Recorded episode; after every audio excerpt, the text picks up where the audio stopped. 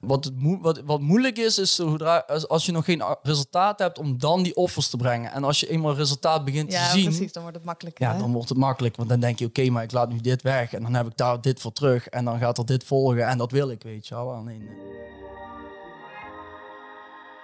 Welkom bij de Isabelle Veteris podcast. De podcast voor mensen die al heel veel weten over persoonlijke ontwikkeling, maar even power nodig hebben om in actie te komen. Ik ben psycholoog en in de topsport een van de sterkste vrouwen ter wereld geworden. En samen met experts leer ik je binnen een uur hoe je stopt met uitstellen en met een topsportmentaliteit in actie komt.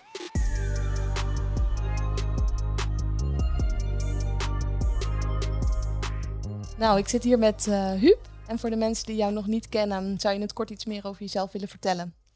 ja, ik ben Huub Knapen. Ik ben eh, 23 jaar. Ik ben in 2017 gestart met het ondernemen. Ja, momenteel help ik eigenlijk mensen uitbreiden met hun huidige store op Amazon. Help ik mensen starten op Amazon. En hebben nog een kleine acquisitie-agency. Wanneer hoorde jij voor het eerst eh, van Amazon? Ik hoorde voor het eerst over Amazon toen ik, bij, toen ik eigenlijk wou stoppen met, eh, met het werken bij mijn vader. Hij, had, hij heeft een eigen bedrijf en hij verkoopt motoronderdelen. En ik werkte daar eigenlijk en ja, ik, we hadden eigenlijk een kleine discussie. En eigenlijk wou ik daar stoppen. En eh, toen ben ik eigenlijk gaan zoeken op, ja, op YouTube van wat ik eigenlijk allemaal nog meer kon doen. Hoe kon ik eigenlijk voor mezelf kon beginnen. En toen kwam ik eigenlijk bij Amazon terecht. Ja, sindsdien eh, is het hele verhaal eigenlijk begonnen. Ja, dus het kwam eigenlijk voort uit het zoeken naar mogelijkheden. Er liep iets niet helemaal lekker. Je ging zoeken naar oplossingen en Amazon was voor jou een oplossing. Ja, klopt inderdaad. Ja, ik wilde eigenlijk gaan starten met ondernemen, maar op school had ik eigenlijk niks gedaan wat, eh, wat ik eigenlijk leuk vond. En eh, ik dacht eigenlijk dat mijn pad bij mijn vader lag. Alleen dat bleek toch niet zo te zijn. Ja, en dan ga je op zoek naar oplossingen. En zodoende was Amazon de oplossing. Ik zag eh, mensen van in de twintig heel veel geld verdienen met online producten. Die, eigenlijk, die ze zelf niet hoeven te versturen. Nou, ik dacht, dit is echt een ideale kans. eh, en toen ben ik me eigenlijk daar verder in gaan verdiepen. Ja, en was het jou, je zei het was wel mijn droom om te gaan ondernemen. Ja, iets, iets voor mezelf te beginnen. Wat was dat? Waarom is dat voor jou belangrijk? Ja, ik, in eerste instantie, toen, ik ben eigenlijk opgegroeid in een ondernemingsfamilie. Dus eh, mijn vader die deed dus motoren reviseren, zelf bouwen en die onderdelen verkopen. En eh, ik dacht in eerste instantie dat mijn toekomst lag in het uitbreiden van deze verkoop. Want hij deed in eerste instantie alleen lokaal zijn producten verkopen. En toen internet kwam, toen was eigenlijk, eh, ja, toen stortte die verkoop eigenlijk een beetje in elkaar. Nou, stortte in elkaar. Er werd in ieder geval veel minder. En toen heb ik er eigenlijk voor gekozen. En toen ben ik daar sinds mijn 15 aan de slag mee gegaan om eigenlijk die producten op eBay te gaan verkopen. En da- ik dacht echt dat daar mijn toekomst lag. Dus op een gegeven moment, eh, ja, ik heb mijn school, dat vond ik niet leuk. Nou, dat heb ik afgemaakt op mijn 18 en toen ben ik gestopt. En na een aantal maanden toen bleek het echt zo te zijn van, ik was eigenlijk allemaal stappen aan het ondernemen. En mijn vader die zegt van, ja, dat hoeft eigenlijk allemaal niet, dat wil ik allemaal niet. En eh, ja, toen kwam ik eigenlijk tot de realisatie dat dit eigenlijk niet mijn toekomst was. Ja, en toen... eh, ja, en dan ga je eigenlijk op zoek naar, oké, wat is dan wel mijn toekomst? Ja, ik ben, wil eigenlijk gaan handelen. Handelen vind ik leuk. Ik vind het leuk om dingen te verkopen. En zodoende is de stap naar Amazon gemaakt. En het, eh, het handelen zat er altijd in. De droom naar ondernemen. Ja, precies. Ja. Het verkopen. En ik, ik ben bij jou ook benieuwd. Ik had zelf de droom om piloot te worden. En ik heb toen selectie gedaan voor F-16, voor KLM. En toen werd ik afgewezen bij de selectie. En dan valt ineens je droom in duigen. Want ik had voor me gezien dat ik piloot zou worden. Maar bij mij zat dat meer hem in het veel geld verdienen en kunnen reizen. maar dan moet je ineens een switch maken. Ja. Hoe was dat voor jou? Want je had altijd als beeld, ik ga bij mijn pa werken. We gaan dit samen, gaan we uitbreiden. En dan ineens valt dat weg. Hoe was dat? Dat is een goede vraag. Dat was, dat was eigenlijk, ja, dat was niet, niet zo tof natuurlijk. Maar ik moet zeggen, het idee dat ik eigenlijk in één keer, het idee dat wat er om me opkwam toen ik die YouTube-video's zag en die mogelijkheden die ik toen zag, die motiveerde mij eigenlijk zo erg dat het eigenlijk mij ook niet meer uitmaakte wat er eigenlijk had plaatsgevonden. Ik zag eigenlijk alleen nog maar de toekomst die ik kon creëren en daar ben ik toen eigenlijk volop voor gegaan. Dus ik heb niet heel lang bij dat moment stilgestaan, ondanks dat het natuurlijk niet leuk is op het moment dat ik eigenlijk bij mezelf denk, oké, hier ligt het. En dat ik voor mezelf eigenlijk een keuze maak, oké, ik ga hier bak mee aan de slag. En op dat moment dat ik dan die keuze heb gemaakt en daarmee aan de slag ga, dan later na wordt geremd. Ja, en dat vind ik wel leuk bij jouw verhaal om te horen. En dat hoor ik vaak bij succesvolle mensen. Dat hetgene wat ze hadden bedacht dat ze gingen worden, of dat nou profvoetballer is, of dat ze bij een vader gaan werken, of in mijn geval piloot, dat je dat niet wordt. Maar dat er dan wel weer een punt komt waarop je dan onbegrensde mogelijkheden hebt. Want je hebt je niet meer vastgelegd door de doelen die je hebt. En dat je daardoor juist nog veel meer gaat bereiken dan wat je eigenlijk had bedacht. Ja, ja, ja zeker. Ja, dat, uh, toen ging er eigenlijk een uh, nieuwe deur open. Ging je toen ook motoronderdelen via Amazon verkopen of andere dingen?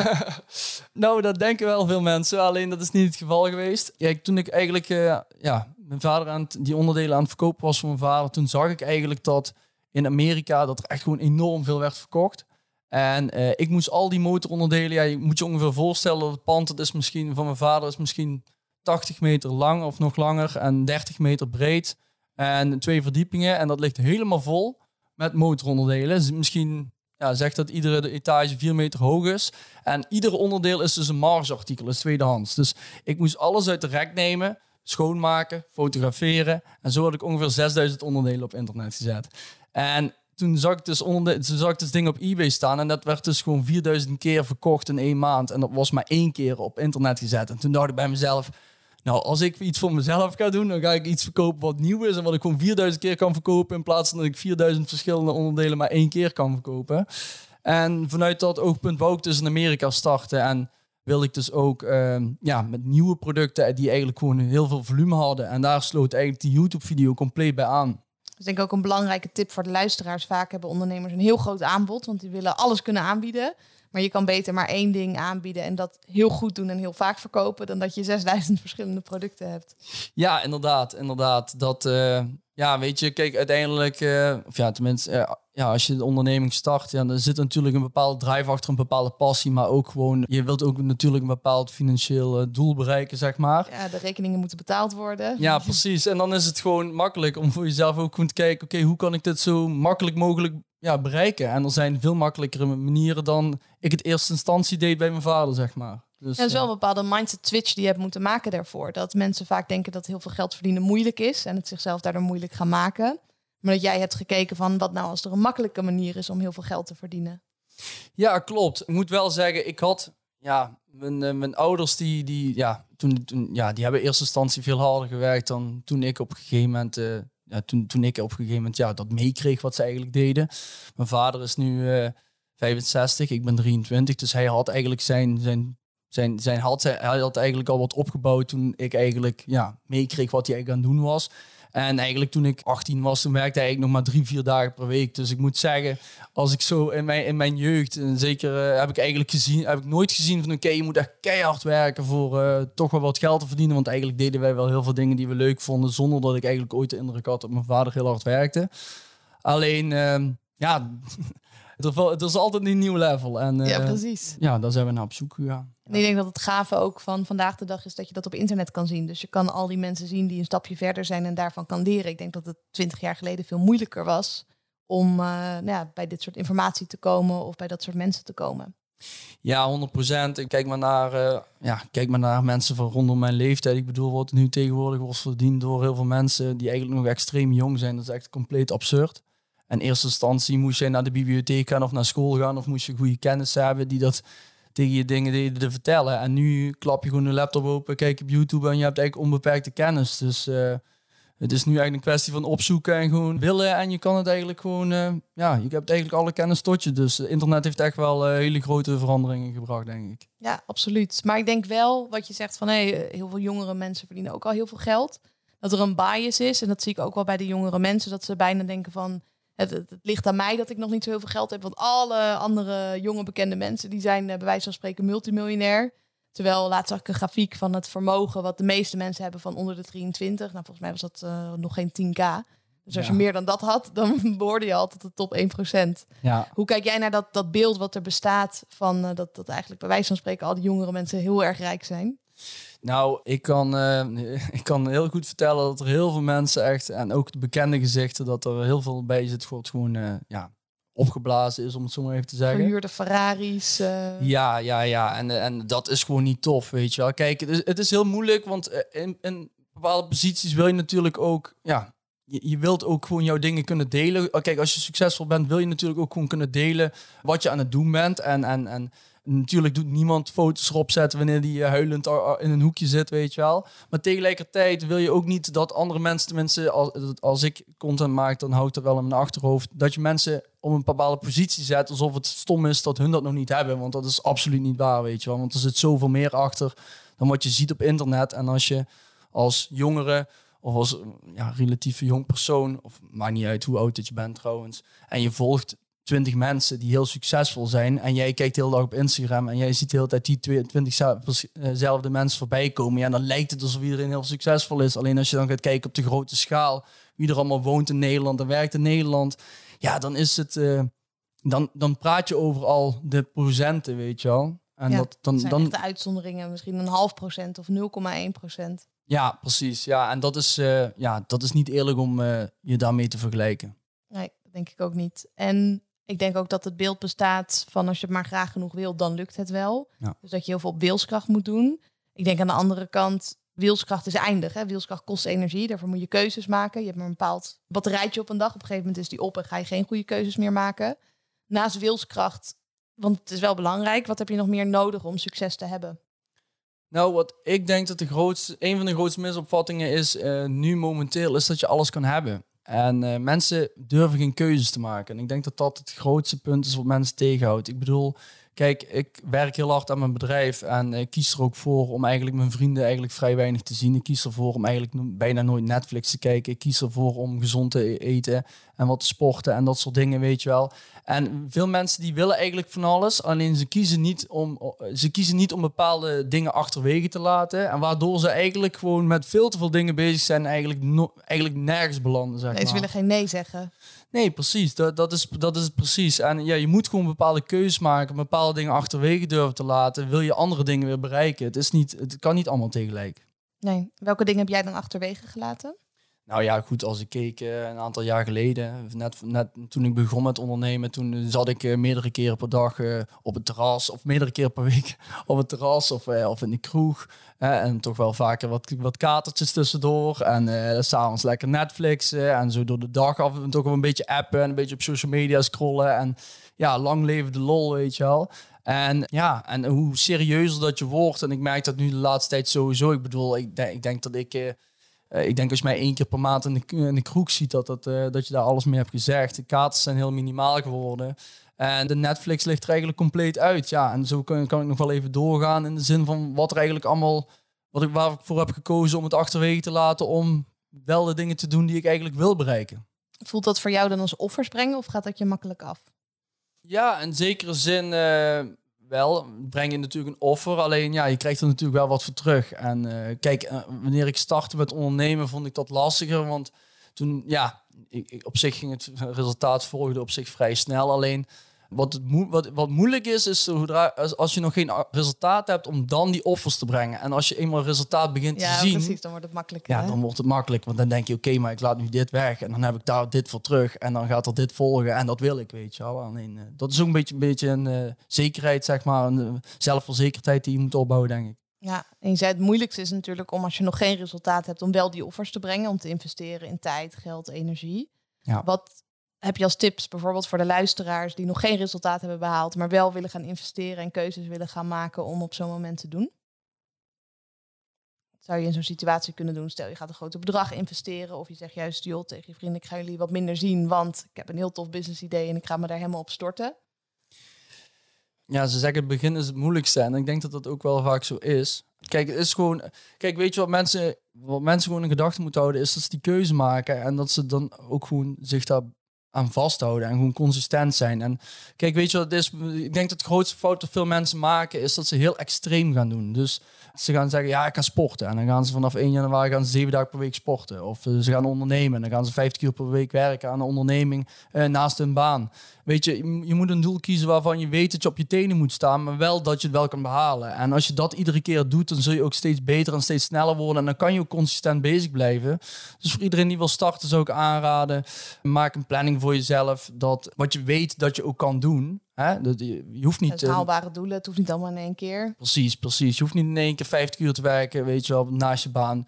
Uh, als je er gewoon 10 uur van maakt en je kan dat consistent blijven doen, ja, op een gegeven moment je resultaat gaan zien. Ja, dan kun je ook weer keuzes daarop gaan maken. Ja, dan kun je bijvoorbeeld minder uren gaan werken, meer uren in je bedrijf en zo die switch gaan maken. Ik hoor wel eens business coaches zeggen, oh, je moet gewoon je, je werk opzeggen, geld gaan lenen, dat investeren in je bedrijf. Ja. Uh, wat vind jij daarvan? Nou, wat ik daarvan vind is, kijk, een heel goed voorbeeld is, kijk naar mensen die loterij winnen. En mensen die een loterij winnen, die, die binnen een paar jaar hebben die eigenlijk al het geld weer zijn ze allemaal weer kwijt. En dat komt omdat als je een bepaald vermogen wil hebben of een bepaald team wil aansturen of bedrijf wil aansturen, dan moet je jezelf op een bepaalde manier bouwen om dat te kunnen onderhouden. En ik denk als jij je zo erg in het diepe gooit, zoals je net beschreef, dan denk ik dat jij niet snel genoeg de persoon, of ja, ik denk dat de het grootste gedeelte van de mensen zich niet snel genoeg kunnen bouwen om dat ook echt op poten te houden. En uiteindelijk ga je denken, wat heb ik gedaan? En dan kakt het in elkaar. Ja, en dan heb je jezelf in het diepe gegooid waar je niet uitkomt. Ja, dan, dan, dan heb je ook nog niks gewonnen. Dan moet je daar weer eerst uitkruipen en dan weer iets gaan doen. Dus ik denk dat dat niet de juiste manier is voor heel veel mensen. Nee, precies. Dus dat in kleine stappen doen en, en gezonde groei. Maar ik kan me ook wel zo voorstellen, en ook bij jou als je bedrijf dan ineens explodeert, dan moet je ineens naar die persoon gaan groeien. Ja. Hoe heb jij dat gedaan?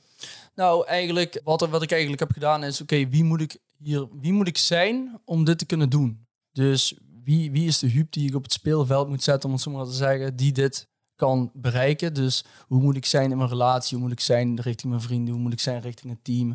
Uh, welke dingen moet ik stoppen? Welke dingen moet ik starten? En, en dan eigenlijk gewoon personage bouwen die eigenlijk dat, dat, dat bedrijf kan leiden. En dat is denk ik de snelste weg daar naartoe. Ja, dus het gaat niet zozeer om wat je allemaal moet doen, hè? En het gaat ook niet zozeer om de hoe, maar vooral wie moet je zijn en daar al gaan instappen en daar volgen die acties dan ook uit. Ja, ja, 100%. Ja. Heb je dat allemaal op eigen kracht gedaan? Nee, ik heb sinds vorig jaar oktober ben ik dus uh, heb ik ook een business coach uh, in arm genomen waar ik één keer per week uh, een sessie heb, een uur. En daar heb ik toch wel enorm veel van geleerd. Ja, kijk, ik ben 23 jaar en ik stuur toch redelijk wat mensen aan. En ja, als je die mensen goed wil aansturen, dan moet het toch met een bepaalde inspiratie en een bepaald leiderschap wat je niet kan hebben op 23 jaar normaal. Dus daar ben ik me ook heel bewust van en uh, daarom zit ik daar. En uh, dat, dat heeft me heel goed geholpen. En ik denk dat uh, het team heel tevreden is over het leiderschap en dat ze ook heel erg geïnspireerd zijn. En, dat, en ik denk dat dat een goed leiderschap is. Ja, want je geeft leiding ook aan een team. Wat zijn valkuilen bij het leiding geven aan een team?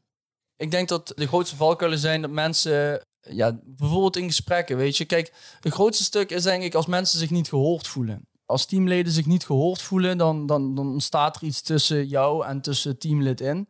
Ja, een bepaald issue wat niet uitgesproken wordt als hij zich niet gehoord voelt. Want dan gaat hij waarschijnlijk ook niet vertellen, waardoor hij eigenlijk niet optimaal gaat presteren en uiteindelijk misschien ook wel weggaat van het bedrijf. Dus ik denk dat het heel belangrijk is voor iedereen die een bedrijf heeft om juist vragen te stellen van ja, hoe gaat het met je en hoe gaat het met hoe vind je dat de samenwerking gaat? Om juist te peilen van hoe die persoon in het leven staat en in jouw bedrijf. Want zo kun je dingen vroegtijdig opsporen en ondervangen en kijken waar, waar, liggen, waar ligt de persoon zijn kracht. Om die persoon ook volledig in zijn kracht te zetten. Als ik kijk binnen ons bedrijf, dan zijn we daar continu mee bezig. En wat ik zie, eh, dat het team, hoe goed dat, dat samenwerkt en wat ze allemaal behalen qua resultaten, dat is bizar. Dus ik denk dat dat wel de key uh, dingen zijn eigenlijk. Ja, ik zie dat vaak mensen denken dat ze mensen kunnen motiveren met geld. Maar juist door mensen zich gehoord te laten voelen, door ze uit te dagen, dat teamleden ook bij je willen blijven. Ja, mensen moeten geïnspireerd raken. Mensen moeten denken van, wow, dit is echt bizar, weet je wel. Want kijk, uiteindelijk uh, willen mensen gewoon bij het sterkste paard van de stal horen, om het zo maar te ja, zeggen. precies. En uh, ja, weet je, als jij dat dan bent, uh, ja, dan kan er wel iemand anders komen. hey, ik betaal je 500 euro meer. Maar genoeg. Nee, er zullen heel veel mensen zeggen van, uh, nou ja, weet je, ik, ik zie hier de toekomst in. Want ja, wat is er nou als je continu geïnspireerd wordt en met energie thuis komt en met energie je werk doet? Of je wordt afgebeuld op het werk en je komt met een lang gezicht thuis. Ja, waar kies je dan voor? Ja, je krijgt maar één keer per maand krijg je die rekening of, of je salaris gestort. Terwijl je elke dag anders met plezier naar je werk gaat. Ja, ja precies. ja. ja. En je zei, ik ben toen met een coachingstraject begonnen. Sommige mensen die deze podcast luisteren, die hebben al een coach. Sommige die zijn nog zoekende. Waar let jij zelf op bij het zoeken van een goede coach? Wat ik denk dat heel belangrijk is, is dat de coach niet zijn eigen mening er doorheen trapt, zeg maar. Dus je hebt eigenlijk vaak dan, dan hebben mensen een bepaald issue en, en dan uh, zeggen ze dat en dan zeg, zegt de coach, ja, ik denk dat je dit moet doen of ik denk dat je dat moet doen. Maar uiteindelijk. Het is geen coaching, hè? Dat is eigenlijk meer consulting. Ja, precies. Precies, precies, precies. En uiteindelijk ja, weet de persoon die bij de coach komt waarschijnlijk beter dan de coach hoe het vak in elkaar zit. Dus de coach moet gewoon de juiste vragen stellen, zodat de persoon de juiste inzichten krijgt en daarmee aan de slag kan. Dus ik denk dat de coach dat moet doen en dan gewoon volledig tot de kern kan doorpakken, ja, zodat jij eigenlijk, uh, zodat de persoon maximaal groeit. Als ik kijk, uh, ja, dat, dat, over het algemeen zie ik dat dat te weinig gebeurt. Ja, Ja, en, en mensen gaan ook, ik zie dat veel coaches dan op de stoel stappen van consultant of van psycholoog. Dat ze helemaal gaan doorgraven in het verleden, terwijl dat zijn ze niet. nee, nee. En eh, nee, ze moeten die rol niet vervullen die ze niet zijn. Nee, nee, precies. En ik, ik, ik vul hem alvast even voor je in. je vertelde net hoe je in contact was gekomen met je coach.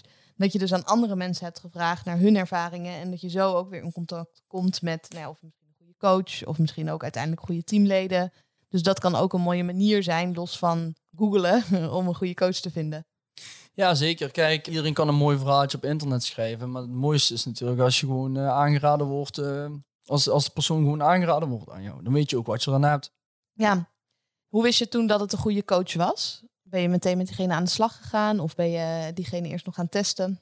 Nou, ja, die, ik, eh, ja, ik werd eigenlijk aangeraden door iemand bij die coach. En die zei eigenlijk van ja, het is, echt top. En mijn eh businessresultaten zijn echt eh, twee keer gegaan. En persoonlijk ben ik enorm gegroeid en, en dit en dat. En toen heb ik eigenlijk die persoon gebeld. En toen heb ik een intake gehad van ongeveer een uur, anderhalf uur. En toen ik daar buiten kwam, toen had hij mij eigenlijk met mijn eigen woorden om mijn oren geslagen. Waarvan ik dacht van wow, weet je wel. Ik had echt een hele verkeerde perceptie op verschillende dingen. Waarvan ik dacht bijvoorbeeld dat ik het slachtoffer was, weet je wel. Terwijl het ik eh, uiteindelijk de dader was, om het zo maar te zeggen, weet je wel. Dus dat, weet je, dan, dan denk je, ja, deze persoon functioneert niet, of dit is er niet, of dat is er niet. En uiteindelijk kwam dat allemaal voort omdat ik dat voorbeeld gaf. Maar dat, zijn, ja, dat is een bepaald leiderschap wat ik miste bijvoorbeeld, weet je wel. En ja, en, en ik was echt gewoon eh, verbaasd toen ik naar buiten liep. En ik denk, dit moet ik gewoon doen. Het maakt niet uit wat het kost, we gaan het gewoon doen. Ja, Want eh, dus hier kan je- ik echt heel veel leren. Ja, Ja. even die coaching laten ervaren hoe dat is. ja. Ja. ja. dus gewoon heel veel waarde geven in dat uur of in die anderhalf uur. En vanuit daar denk je, ja, fuck, ik wil meer. Ja, ja, zeker. Het was echt eh, een eye-opener voor mij eh, toen ik daar was geweest. Dus eh, ik was echt verbaasd. Ik, ik had nooit gedacht dat een coaching zoveel voor mij kon doen. En toen had ik meteen spijt dat ik niet eerder... Ja, ja, ik wou net zeggen, want ik heb de stelling dat, dat elke ondernemer een coach zou moeten hebben. Hoe denk jij daarover? Ja, daar ben ik het wel mee eens. Kijk, als je snel wilt groeien, dan ja, dat is natuurlijk, ja, dat is net met sport natuurlijk. Hè. Je, hebt, je hebt iemand met sport, is het, dan kijkt iemand naar je houding, hoe je de oefeningen doet en dat soort dingen. Ja, en dat heb je met ondernemen natuurlijk ook. Eh, je, hebt, je, je bent om bezig met ondernemen en je kan al snel een blindheid creëren in je eigen bedrijf. Dat je eigenlijk van links naar rechts aan het rennen bent. En dan als iemand anders daar buiten staat, die kan dan zeggen, oh, hallo, ben je nou allemaal aan het doen? Of ben je nou aan het doen in je persoonlijke leven? En die kan je weer even recht op je pad zetten. Dus het gaat je gewoon enorm eh, ja, helpen en, eh, en versnellen, vooral in, eh, in je proces. Ja, mooi wat je noemt van ook je persoonlijke leven. Want dat heeft ook zoveel invloed op je business. Vaak denken we dat we tips nodig hebben of dat het alleen maar over je bedrijf moet gaan. Maar in mijn coachingsgesprekken gaat het nog vaker over die andere zaken. Is 10% maar business en 90% Ja. privé. Is dat bij jou ook een beetje zo qua verhouding? Ja, ja, er zit wel, eh, er zit wel eh, flink wat, eh, ja, wat persoonlijke dingen ook. er zit ook wel flink wat persoonlijke dingen tussen natuurlijk. Ja, weet je, het gaat, het gaat er gewoon om wat speelt er in je dagelijkse leven. En op dat moment dat jij bijvoorbeeld slecht in je relatie zit, of je zit slecht met vriendschappen, of je bent de hele tijd op een andere plek in je hoofd dan op de zaak, om het zo maar te zeggen, dan presteer je ook niet. Je moet gewoon in het moment kunnen leven. En ik denk dat heel veel mensen door de dag eigenlijk op heel veel plekken aanwezig zijn, maar eigenlijk de hele tijd over ergens anders eigenlijk aanwezig zijn met hun gedachten. En ja, dan hou je jezelf ook voor de gek. Dan leef je in een soort niemandsland. Hè? Dan ben je aan het werk, maar dan ben je eigenlijk met je hoofd thuis. Of je bent thuis en dan ben je met je hoofd aan het werk. En Precies, ja. het schiet niet echt op. Nee, nee, nee, nee. Dan, ja, dat houdt het ook een heel erg resultaat tegen. Ja. Ja, dat denk ik ook. En ik denk daarnaast ook hoe je iets doet, is hoe je alles doet. Dus stel dat je heel veel ruzie hebt met je partner, dan heb je waarschijnlijk ook ruzie in je bedrijf met je collega's of met je klanten of met de mensen op straat waar, waar je dus heel veel last van gaat hebben. En dat als je dat dan fixt op privévlak, dat werk vanzelf wel meegaat of je bedrijf.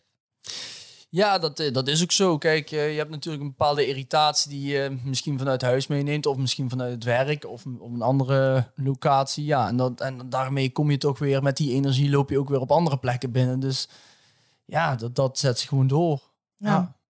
Ik ben ook benieuwd bij jou. Je zei van toen ik begon met Amazon, begon dat best snel te lopen. Hoe was het voor jou om die eerste resultaten te behalen? Ja, dat was fantastisch. Eh, Ja, ik weet nog heel goed waar ik was toen ik de eerste sales maakte. Ja, goed, dat, was gewoon... Kijk, ik, toen ik begon met het ondernemen, toen... eh, ja, ik was 18, ik was dus gestopt met school. Ik zou bij mijn vader gaan werken, maar ik had gezegd tegen mijn vader en tegen mijn moeder, ja, weet je, dit gaat niks worden, want jullie remmen mij alleen maar af. Ik ben 18, ik heb doelen. Ik wil niet dat mijn toekomst gepland wordt door jullie, want principe stond, kon ik daar wat dingen verkopen en dan hadden nog een huis en dan kon ik daarin gaan zitten en dan kreeg ik wat loon overgestort en, en dan kon ik uiteindelijk kon ik dat ding overnemen, zeg maar. Ja, dus ik wist al hoe mijn aankomende 20 jaar eruit ging zien. Ja, ik denk met mezelf, ik ben 18, ik heb ambities, dat gaan we niet doen. Nee. En toen ik eigenlijk die keuze maakte, toen was het eigenlijk van, uh, ja, mijn ouders, uh, ook niet meer dan normaal. Hè. Mijn ouders zijn, uh, zijn echt twee generaties ouder, om het zo maar te zeggen, zijn niet bekend met internet. Dus die denken bij zichzelf, wat gaat hij nou allemaal doen? gaat dat wel werken? Vrienden die zeggen dat, leraren zeiden dat. Die, die verklaarden me eigenlijk allemaal voor gek. Ja. En, en, dan, en dan zit je daar bij je 18 en dan ben je een beetje zo een, ja, alleen, weet je wel, wat, wat aan het strijden om die dingen to, toch te behalen. En wanneer dan die eerste sales binnenkomen, is dat wel de bevestiging van bam, weet je wel, dat kan. En jij bent wel goed bezig en en dan is het van, hey, uh, mensen, weet je, ik had toch, uh, ik, ik had toch gelijk, weet je wel. Ja, ja, ik ga gewoon doorpakken. En uh, ja, dat was wel een hele toffe bevestiging. Ja, geloofde je ook van, ik zal me even op mezelf betrekken. Ik weet nog wel, ik heb nu mijn eerste vastgoedpand. En je leert dan vanuit de theorie van het werkt. En toch ergens is er die twijfel. Dus ook al, en, en die twijfel wordt dan weggenomen op het moment dat je de resultaten behaalt. Maar ergens dan is het bijna nog te mooi om waar te zijn. Ik denk, wow, ik heb gewoon passief inkomen uit mijn vermogen. Dat, had jij dat ook? Of is het... Ja, ja, ja. Ik, ik heb dat, uh, ik, ja, dat heb ik uh, een zeker gehad. imposter syndrome misschien, dat je denkt van ja, dat geldt voor anderen, maar niet voor mij. Ik weet nog wel dat ik met het WK mee mocht doen en ik had gewoon een kwalificatie behaald. En toch was er zo'n stemmetje in mij die zei, ja, maar ze gaan jou afbellen, want het, het is niet waar. Ja. Dat kan mij daar niet. Ja, ja, ja. Nee, dat, dat herken ik wel heel erg, want ik heb heel lang gehad dat, dat uh, ik eigenlijk, ja, ja, dat het heel erg door mijn hoofd spookte van oké, uh, nu gaat het goed, maar dadelijk kakt echt alles in ja, elkaar ja, ja. en alles gaat daar naar de kloot, want dit kan niet. En, uh, en uh, dat, is ook, dat is ook tussendoor heb ik ook een paar keer gedacht van wow, nu, nu is het moment aangebroken, weet je wel. Nu gaan we echt, nu gaat, want eh, dan, dan, dan gebeurt er iets. Ik heb bijvoorbeeld een Amazon account gesloten gehad. Dus ik, had, ik was aan bouwen, bouwen, bouwen en het liep echt super goed. En ik had heel tijd zo'n stemmetje in mijn hoofd, maar dit kan niet, het kan niet, want het gaat zo goed. En één keer kreeg ik een berichtje van, van Amazon, hey, ja, we hebben je account gesloten vanwege policy overtredingen, bla bla bla. En in één keer, ik had al mijn geld geïnvesteerd en allemaal voorraden. In één keer bam. En toen in één keer stond, stond de omzetteller stil. En toen was ik echt van, ja, toen schiet je gigantisch in de stress. Ja, dat en, snap ik. Ja, ja, en uiteindelijk heb ik het ook wel weer rechtgetrokken. En toen de account weer teruggekregen na een bepaalde tijd. Maar dan heb je anderhalf maand heb je dan in stress gezeten. En dan, ja, dat was toch wel uh, intens. En toen weer, toen weer opgebouwd natuurlijk. En uh, tussendoor nog een paar keer dat gehad. Maar op een gegeven moment heb ik het dat, ja, op een gegeven moment toen toen was het ook gewoon zo van. Uh, toen kwam het op een gegeven moment besef van ja. Toen, toen ik eigenlijk, eigenlijk een lange tijd nergens was geweest, alleen maar aan het werk. Toen kwam ik besef van ja, weet je, wat, je, wat jij doet, dat doet ook bijna niemand. Dus jij hoort ook gewoon dit te hebben, weet je wel. En, je krijgt wat je verdient. Ja, en toen, was, toen heb ik dat echt achter me kunnen laten. Maar dat heeft me wel een lange tijd achtervolgd. Ja, ja, ja ik herken het wel. En uh, ook in het begin van mijn bedrijf begon het meteen goed te lopen. En dan ging ik extra hard werken. Dat ik dacht, oké, nu werkt het nog. Maar misschien komen ze er straks achter dat het, dat het niet werkt of zo. Of dan gaan andere mensen het ook doen. Dus ik moet er nu van profiteren. Maar ik denk dat het ook een stukje zelfvertrouwen is dat je het dan al wat langer doet. En dat je weet van nou, ik heb gewoon deze skill en het komt wel goed. Ja, ja, ja zeker. Dat stelt je wel gerust. Ja, ja, ja. Ik ben ook benieuwd bij jou. Je bent natuurlijk nog jong. Uh, heb jij juist wel bepaalde doelen voor de toekomst? Of juist niet, zodat alles weer open ligt? Ja, ik heb er toevallig uh, op de heenweg over nagedacht. Van uh, ja, want ik ben eigenlijk, ik had, ik had eerste instantie bepaalde doelen in de zin van ik wil gewoon, ik wil. Kijk, mijn grootste doel is eigenlijk, ik wil mezelf uh, gewoon heel erg krachtig bouwen. Dus ik wil gewoon de beste, de beste leider zijn, de beste partner zijn en uh, ja, de beste vriend zijn. Nou, daar, dat, daar valt overal nog wel wat een bij te spijkeren, uiteraard. Maar dat waren eigenlijk mijn doelen. Ja, dat, dat, dat, dat, dat, dat vind ik dat, dat het op zich wel redelijk gaat. Alleen ja, je bent nooit uitgeleerd. En ja, wat is dan nog meer het doel? Het bedrijf loopt goed, uh, we hebben een leuk team. Waar gaan we naartoe? En ja, ik, ik ben nu eigenlijk gewoon een beetje op het punt, of ja, ik ben eigenlijk een beetje op het stukje aangekomen dat ik bij mezelf denk van ja, weet je, ik wil gewoon alles uithalen. Ik ben 23, ik wil gewoon kijken hoe verder ik kan gaan. Hoe goede leider kan ik worden? Hoe goede partner kan ik worden? Hoe goede vriend kan ik worden? Hoe hoog kan ik mijn bedrijfsleven eigenlijk de hoogte in trappen, weet je wel. Kijk, er zijn mensen die, die enorme uh, omzet draaien in de wereld. Kan ik dat ook? En uh, ja, dat ben ik gewoon een beetje uit aan het testen. En daar heb ik eigenlijk heel veel plezier aan.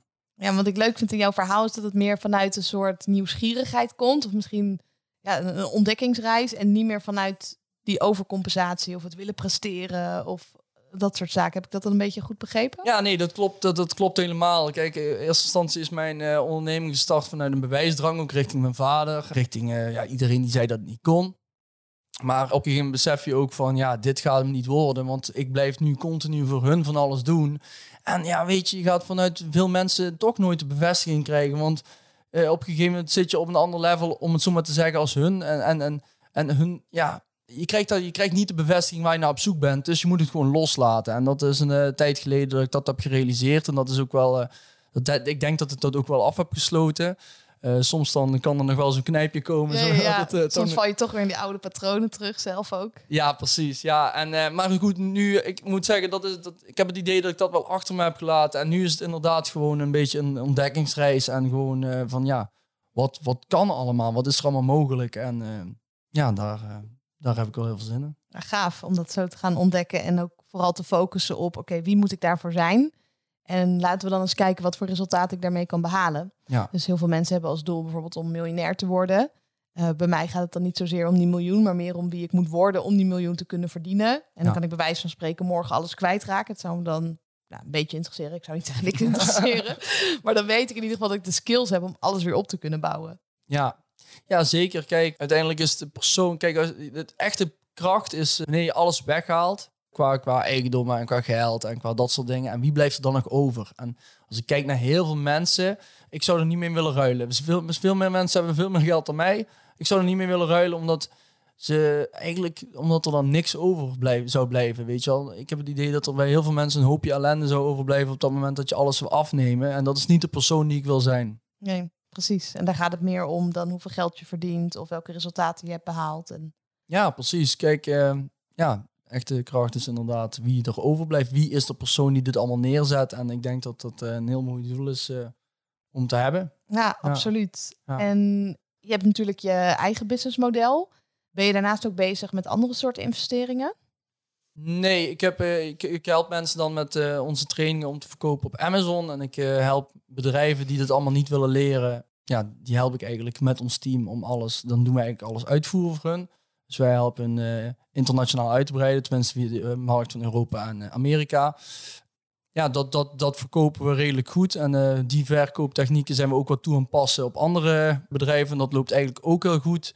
Dat zijn bedrijven die al een product hebben, of ook mensen die geen product hebben en zeggen: joh, ik geef jou geld, fix het voor mij. En dat zijn mensen die een, uh, een, een, product hebben van een hogere waarde. Dus high-ticket producten. Dus laten we zeggen vanaf een uh, 1500 euro. Die helpen wij.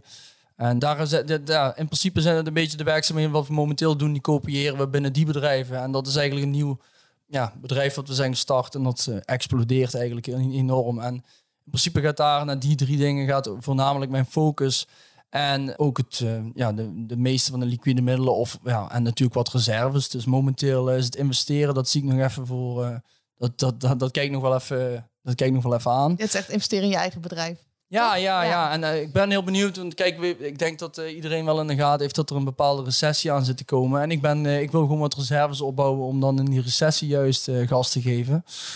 Dus, um, ja, er gaan kansen komen straks. Blood ja, on the streets. Ja, dat denk ik wel. En uh, ja, daar wil ik wel van kunnen profiteren. Ja, en toen ik mijn eigen bedrijf begon, heb ik ook bewust gekozen om al mijn geld daarin te stoppen. Ik dacht, ja, ik kan het wel in een Tesla bijvoorbeeld stoppen. Maar waarom zou ik niet, als ik niet eens op mezelf durf in te zetten, dan uh, wat ben ik dan aan het doen? Nee, precies. En uh, ik denk ook, kijk, ik heb, ja, ik heb vorig jaar oktober heb ik dan die investering gedaan in die één op één coaching.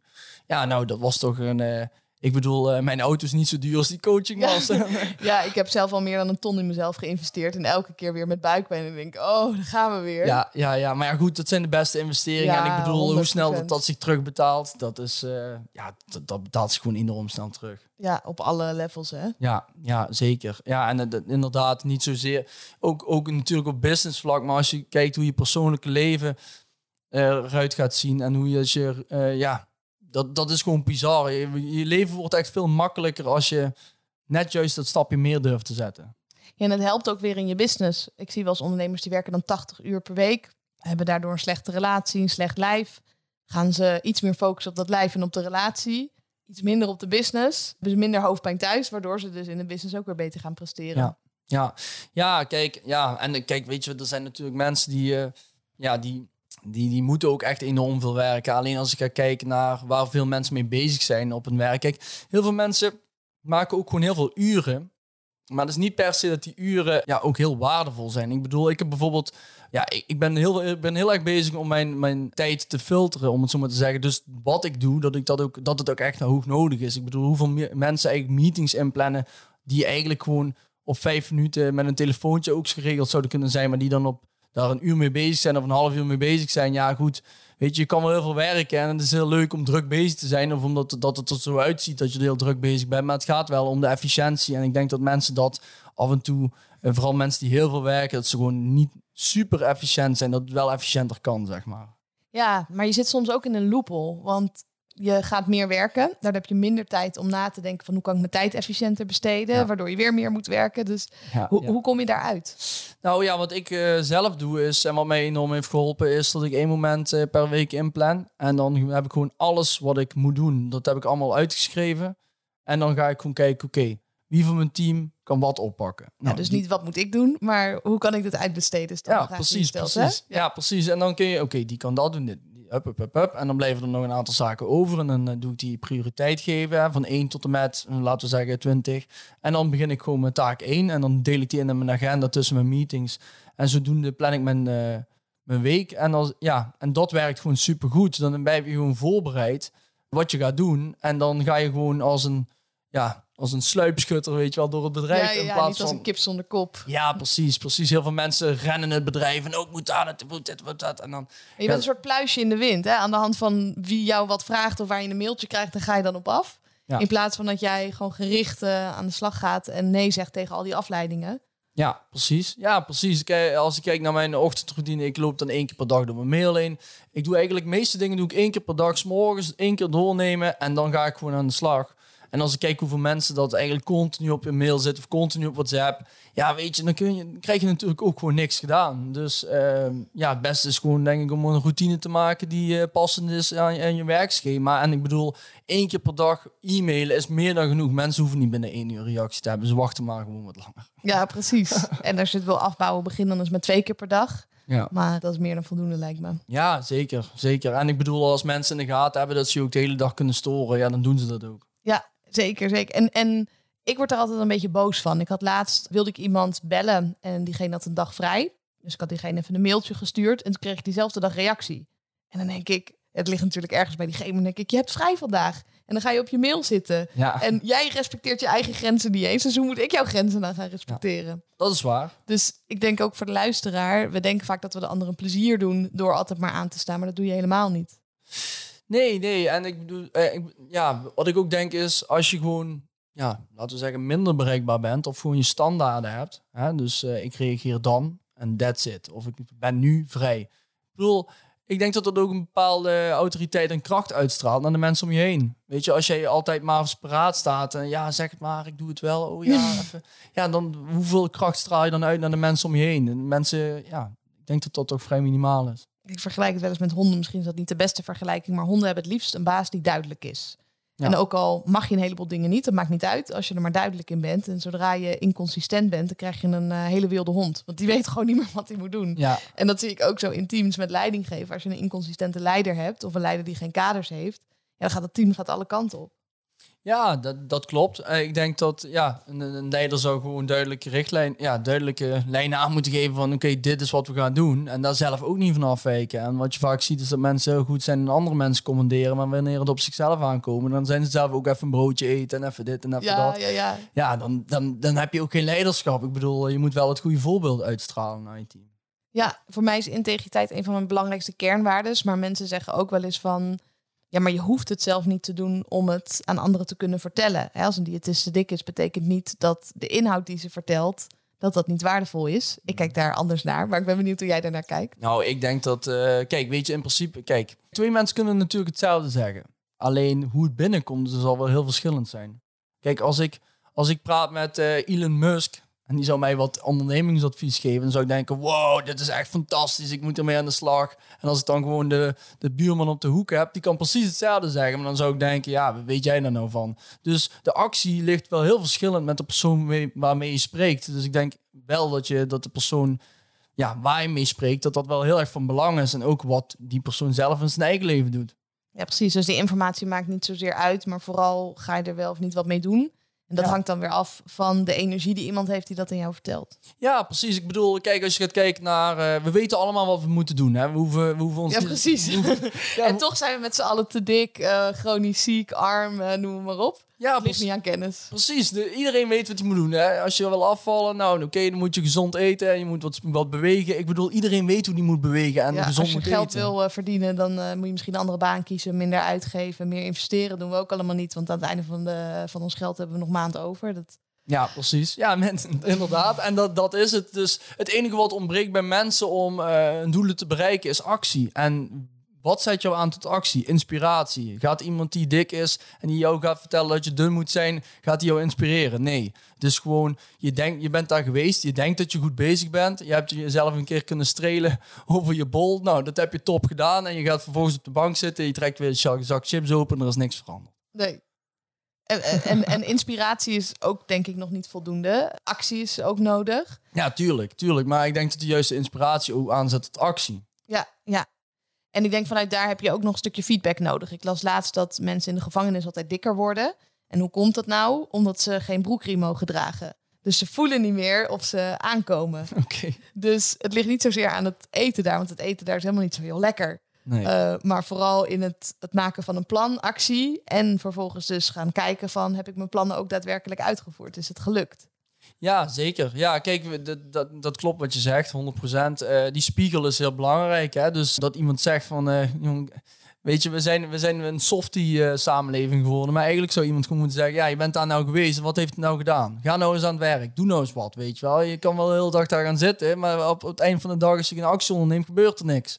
Ja, mensen hebben gewoon die feedback en die spiegel nodig dat ze gewoon aan de gang moeten. Want anders doen ze gewoon niks. Mensen moeten noodzaak voelen, want anders doen ze niks. Want we zijn allemaal maar gewoon gemakswezens, om het zo Ja, maar te zo is zeggen. ons hele brein ingericht. Ja. Ja. op korte termijn plezier allemaal. Ja, ja, allemaal comfortabel, comfortabel. Ja, als je wel wil bereiken, dan moet je... Dat, dat is niet comfortabel, weet je wel. En eh, ja, da- Nee, daar, heb je gewoon een schop, gepaard met pijn. ja, daar heb je gewoon een schop onder je hol nodig af en toe. Ja, Ja. ja. Ja, ja, En dat denk ik ook. En ik denk ook dat veel mensen het spannend vinden om die schop onder iemand anders kont te geven. We zijn snel geneigd om met mensen mee te praten. De andere personen veren in hun reet te steken. Maar je helpt ze er niet mee. Want je denkt dat je aardig bent, maar dat ben je helemaal niet. Nee, nee, kijk, weet je wat is? Mensen zeggen, en dan, ja, kijk, iedereen eh, ziet vaker bullshit verhalen, weet je wel. En dan zeggen ze, ja, ja, inderdaad, inderdaad. En dan zeggen ze, ja, weet je, ik wil die persoon ook, eh, ik wil hem dat ook niet aandoen. Nee, weet je wat je de persoon, jij maakt het voor jezelf makkelijk. Want het is voor jou com- eh, oncomfortabel om tegen hem wat te zeggen of haar wat te zeggen dat die persoon niet goed bezig is. Dus je maakt het voor jezelf comfortabel. Maar de andere persoon, als je het daar oprecht goed mee voor hebt, moet je eigenlijk gewoon zeggen hoe het is. Want daar help je de persoon echt mee. Dus in werkelijkheid, ja, help je alleen jezelf en niet de ander. Dus eh, en mensen draaien, draaien het heel graag om. Ja, het is egoïstisch, vind ik, om het niet te zeggen. En vaak is het vanuit de angst van afwijzing van de ander. En Ja. stel, ehm, je vriendin zou vragen, lijk ik dik in het rokje? De meeste mannen die zeggen dan, nee hoor schat. Maar misschien is het wel echt zo. Ja, Ik, ja. ik zou het liefste willen dat mijn vriend zegt, ja sorry, maar dit staat je echt niet. ja, ja, maar ja, dat is ook, dat, ja, maar dat, dat maar heel veel mensen doen dat niet. Nee. eh, omdat ze dan bang zijn dat hun vriendin boos wordt. Nee, dat klopt, dat klopt. Maar ja, dat, maar is misschien dat, niet het allerbeste voorbeeld, Ja, maar ik ja. denk dat je wel begrijpt wat ik bedoel. Ja, Of ik- vrienden die dan zeggen, ja, ik ben al een week op dieet geweest en ik ben nog steeds niks afgevallen. Ik snap er helemaal niks van. Ja, ik zeg dan maar, ja, ik snap het. Kijk naar je eetstijl. Maar de meeste mensen durven dat niet te zeggen. nee, maar in principe is dat ook het beste wat je kan zeggen. Want ik bedoel, je hoeft de realiteit, de realiteit verdragen, eh, verdraaien om iemand anders een beetje goed gevoel aan te praten. Ik bedoel, dat is ook allemaal maar korte termijn visie. Want uiteindelijk, dan is je vriendin of die vriend, die is nog eh, 20 kilo zwaarder geworden. Ja, en wat is het dan, weet je wel? Dan had je beter op dat moment kunnen zeggen, ja, weet je, misschien moet je toch maar eens je leefstijl gaan veranderen. Ja, dan komt wel even, dan komen we wel even binnen en dan kunnen mensen wel heel vervelend vinden. Maar ja, waar help je de persoon uiteindelijk het meeste mee? Ja, dus als je echt goed bevriend bent, dan zeg je dat soort dingen wel. Ja, eigenlijk wel. Ja. Ja. ja. En eh, ja, zeker, eh, ik kom van het zuiden, hè, dat zullen mensen ook al hebben gehoord. Maar daar, zijn, daar zijn we vrij goed in dingen nog wel wat zachter brengen dan dat ze zijn. Nog beter als ieder ander punt in Nederland, denk ik. Ja, en dat, dat hoeft niet, weet je wel. Dat, daar help je niemand mee, inclusief jezelf, inclusief de andere persoon. Dus eigenlijk moeten we daar gewoon allemaal samen mee stoppen. Maar ja, dat is nog uh, niet zo heel snel gefixt. Nee, en ik denk ook dat het dat feedback op zijn plaats moet zijn. Ik kan ook hier niet op straat gaan lopen en tegen iedereen zeggen: ja, en jij bent te dik, en jij bent te dik. Ja. Nee, Gaan ze denk ik niks mee doen. Ik denk dat je ook het op een bepaalde manier moet verpakken dat het bij iemand binnenkomt. Ja, ja, zeker. Kijk, kijk als, je, als je een opmerking naar iemand gaat maken, in de zin van, uh, ja, je ziet het er niet uit, bla bla bla. Ja, dan voelt iemand zich alleen maar gekwetst, weet je wel. Want je trapt iemand ook recht in zijn reptiele brein. Maar als je gewoon vraagt, als je eh, juist de andere persoon het zou laten inzien, weet je wel. Dus door een bepaalde vraag te stellen. Ja, dan komt de boodschap heel anders binnen en dan komt er ook actie. Je wil niet dat iemand weerstand krijgt op wat jij zegt, maar dat jij eigenlijk een inzicht creëert. En uh, ja, dat moet je wel kunnen scheppen. Ja, en dat, dat, kan, dat kan niet bij iedereen. Dus inderdaad, het is wel een beetje situatieafhankelijk van... ja, ben jij dicht genoeg bij die persoon een bepaalde vraag te stellen... om iemand in te laten zien dat zijn leefstijl... of, of hoe die momenteel bezig is, gewoon niet goed is. En ben je er zelf ook competent genoeg voor om die vragen te stellen? Ja, ja. Ik merk dat heel veel mensen communicatie al uh, überhaupt moeilijk vinden om hun eigen gevoelens uit te spreken. Laat staan om het dan met iemand anders erover te hebben. Ja, klopt. Ja, ik, toevallig uh, laatst uh, was de televisie toevallig aan bij ons toen ik thuis kwam. En toen, en toen waren er wat van die Nederlandse programma's wat voorbij kwamen. Nou, als dan zie je het communicatielevel van de gemiddelde Nederlander. Kijk naar Temptation. Ik vind Temptation Island dus fantastisch. Omdat dat laat zien hoe slecht die communicatie is. En als ze dan niet meer kunnen communiceren, gaan ze dat allemaal invullen voor de ander. En ja. als dan de partners en vuile nou ja, vul hem maar in. ja. ja, ja, ja, maar dat, dat, is wel de realiteit. Hè. Ik bedoel, heel veel mensen die, die, die vullen... Ja, en dan zal die dat wel denken. En dan zal die dat wel denken. En zo en zus. Ja, en, dan zie je wel, hij vindt me niet aardig. Ja, precies. En dan gaan ze daar weer een reactie op doen. Dus die persoon heeft eigenlijk helemaal niks tegen iemand gezegd. En voordat iemand ook maar iets kan zeggen... hoe dat hij zich eigenlijk echt voelde, voor de situatie echt zit... heeft iemand anders zijn verhalen klaar, ramt hij daar weer overheen... en vervolgens doet die andere persoon dat weer. Ja, goed, weet je, dan mensen rennen dat part ook gewoon rond als een kip zonder kop. Want ja, ga gewoon het gesprek aan en kijk wat die persoon echt vindt. Voordat je allemaal beelden in je hoofd gaat halen. En allemaal dingen en allemaal gesprekken. Wat er allemaal wel niet kan gebeuren. Maar het is wel hoe heel veel mensen werken. Kijk, op televisie wordt het wat uitvergroot. Maar het is wel hoe, hoe de mind van veel mensen werkt. Als ze feedback krijgen, dan gaan ze meteen een heel verhaal eromheen bedenken. In de verdediging schieten. Dus uh, stel, eh, de, luisteraar van de podcast, die krijgt dus een keer feedback van zijn omgeving. Hoe kan je daar het best op reageren, ook al voel je je daarin gekwetst?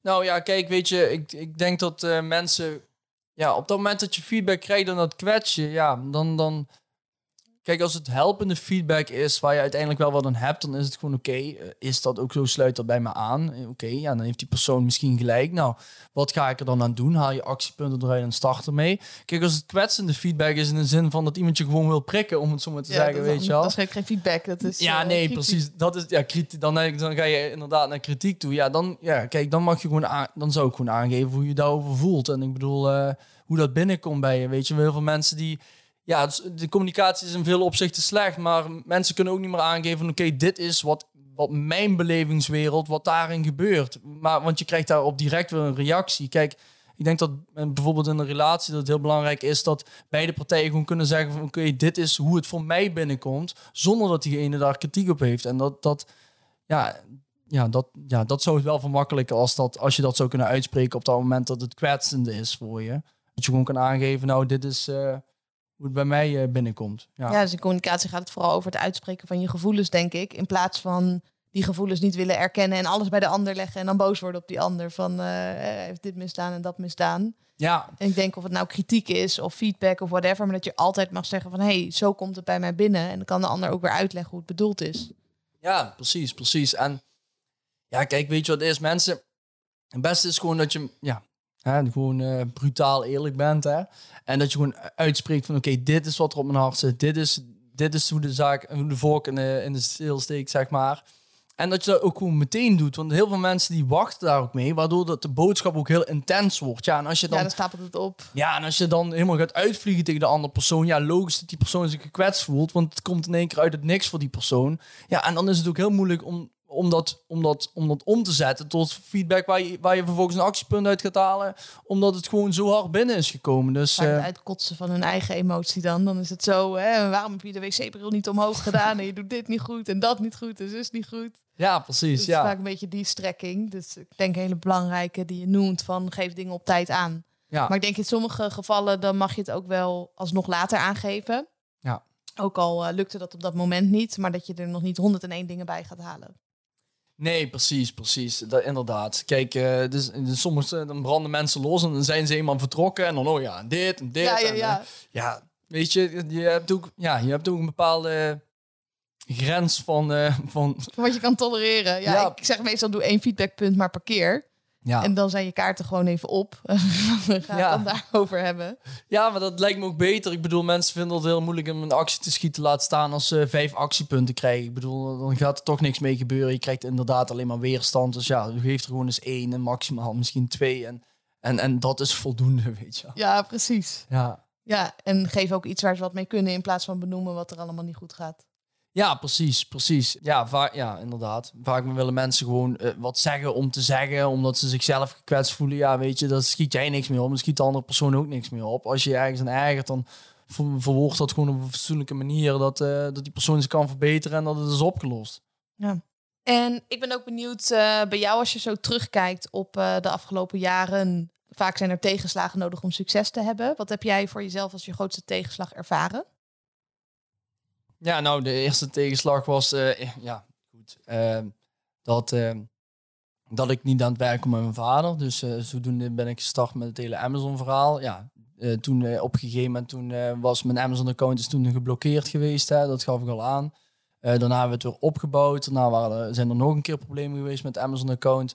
Dat liet me eigenlijk ook inzien van, oké, ja, wat, wat, gewoon, ja, wat gewoon wel eh, hele hoge stresspieken waren, weet je wel, op dat moment. Want ja, je ziet gewoon dat een gedeelte van je inkomen, of een groot gedeelte van je inkomen stopt, terwijl dat je daar volle bak aan het werk bent en dat het helemaal buiten je macht ligt. Want ja, soms dan zijn er beslissingen ja, voor de mensen die werken met Amazon of met bijvoorbeeld Facebook advertenties. Ach, Ja. frustrerend. En dan kan je ze niet mailen. Nee, nee, ja, je, soms dan worden beslissingen gemaakt Ja, vanuit die hogere hand, om het zo maar te zeggen. En jij bent gewoon afhankelijk van de situatie. Ja, en dat is gewoon super frustrerend. En eh, ja, en, vanuit daar kreeg ik wel het inzicht van, oké, ik wil meerdere inkomstenbronnen. En toen ben ik eigenlijk gaan coachen. En dat is uiteindelijk uitgegroeid die online eh, cursus. Ja, en dat was, eigenlijk, dat was eigenlijk weer een pijnmoment wat voor groei heeft veroorzaakt. En op een gegeven moment had ik toen die Facebook blokkades. Dus toen kon ik mijn eh, cursus kon ik toen niet meer eh, adverteren. Ja, en ik had een heel team aan de achterkant staan. Dus toen moest ik daar weer wat op gaan verzinnen. En toen is de uitbestedingsservice ontstaan.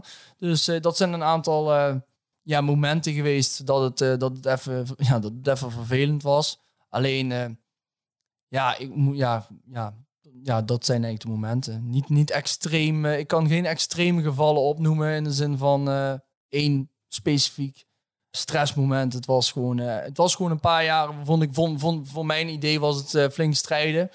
Ja. Precies. En ik heb nu bij mezelf, ik heb al flink wat tegenslagen gehad in mijn leven. Maar op het moment dat ik dan weer een tegenslag heb, hoe eh, vervelend het ook is, maar dat ik weet van waarschijnlijk ga ik hier wat van leren. Ik weet nog niet wat. Maar er zal ongetwijfeld wel wat gaan komen, waardoor ik die tegenslagen ook als minder heftig ervaar. Heb jij dat ook na die tegenslag met je vader, dat die andere tegenslagen als minder heftig voelde? Of maakte dat geen verschil?